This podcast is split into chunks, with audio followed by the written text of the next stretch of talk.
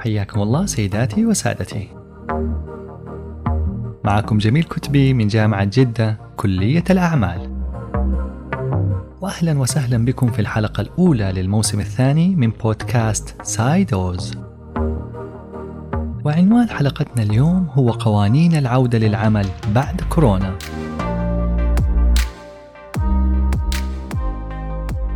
يوم الأحد القادم بحول الله راح تعود الحياة العملية بالمملكة. وهذه العودة لازم تكون مقننة ومدروسة.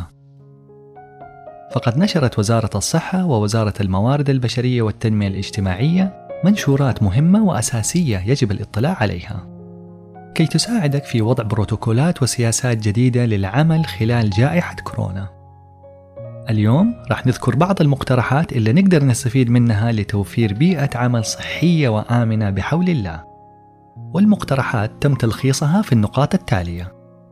أولا عدم المصافحة والاكتفاء بالتحية من بعيد. ثانيا إلغاء نظام البصمة مؤقتا واستخدام التحضير الورقي.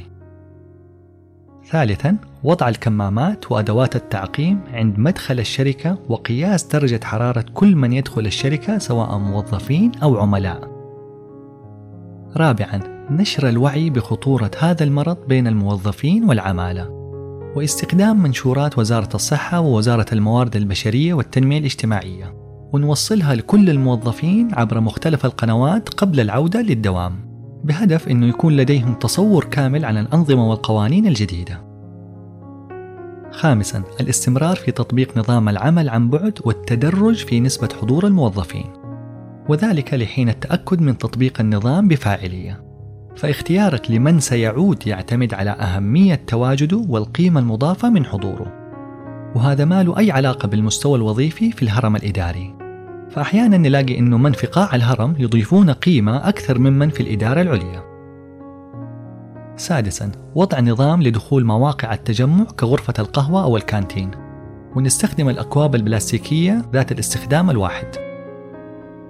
سابعا تهيئة مصلى الشركة للتأكد من التباعد وعدم استخدام المصافح الورقية مؤقتا وإحضار سجادتك الخاصة وعدم تركها بالمصلى.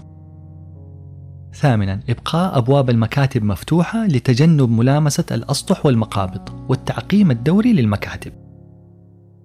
تاسعا تقليل الاجتماعات بقدر المستطاع ومنع أي نوع من أنواع الاحتفال بمناسبة العودة للعمل. يعني بلاش الكيكات والتورتات والجاتو في هذه الأيام. عاشرا إيقاف الرحلات الجماعية للموظفين والعاملين. 11 الإقلال من استخدام الورق المكتبي واستبدالها بالمخاطبات الإلكترونية والتوقف عن مشاركة الأدوات المكتبية بين الموظفين.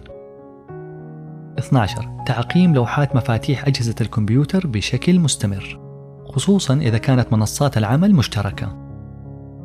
13 تعقيم مفاتيح مدخل الشركة ومكاتب الموظفين والمصاعد ومقاعد الانتظار أيضا. 14 توفير تهوية جيدة بالشركة وفتح النوافذ بين الحين والآخر. 15 التنسيق مع وزارة الصحة في حال الاشتباه بوجود حالة إصابة بين الموظفين. 16 تعزيز التواصل بين الموظفين ممن يعملون عن بعد وتحفيزهم على الاستمرار لحين عودتهم بحول الله. 17 توزيع ساعات العمل للتأكد من التباعد وعدم احتكاك الموظفين. 18 تفعيل التواصل الاجتماعي وتأسيس جروب خاص بموظفين الشركة على مختلف المنصات الإلكترونية. 19 تنظيف دورات المياه أعزكم الله وتزويدها بالأدوات الصحية اللازمة للتعقيم والتنظيف. 20 التخفيف من عمليات البيع المباشر وتغيير أساليب البيع. 21 توفير مخزون كافي من أدوات التعقيم والتنظيف لفترة كافية حتى تجاوز الأزمة بحول الله. 22 عمل اجتماع طارئ وعصف ذهني لدراسة جميع المخاطر المحتملة بعد العودة للعمل. 23 تقليص ساعات الدوام اليومية من 8 ساعات إلى 6 ساعات مثلا. 24 عدم دخول أكثر من شخصين في المصعد الصغير أو ثلاثة في المصعد المتوسط أو أربعة في المصاعد الكبيرة. 25 استخدام المنصات الإلكترونية في حال عقد دورات تدريبية. 26 وضع ملصقات أرضية لفرض التباعد بين الموظفين والعملاء بما لا يقل عن مترين. 27 تعطيل عمل الشاشات التي تعمل باللمس والخاصة بالمستهلكين. وآخرا وليس أخيرا وضع لافتات واضحة عند المدخل لتوضيح البروتوكولات الوقائية للموظفين والعملاء. هذه مجموعة مختصرة من الاقتراحات والتوصيات. أتمنى أنها تفيدكم بحول الله لعودة آمنة لموظفينكم وعملائكم. أشكركم على طيب وحسن استماعكم وملتقين بحول الله في الحلقة القادمة من بودكاست سايدوز. فمان الله.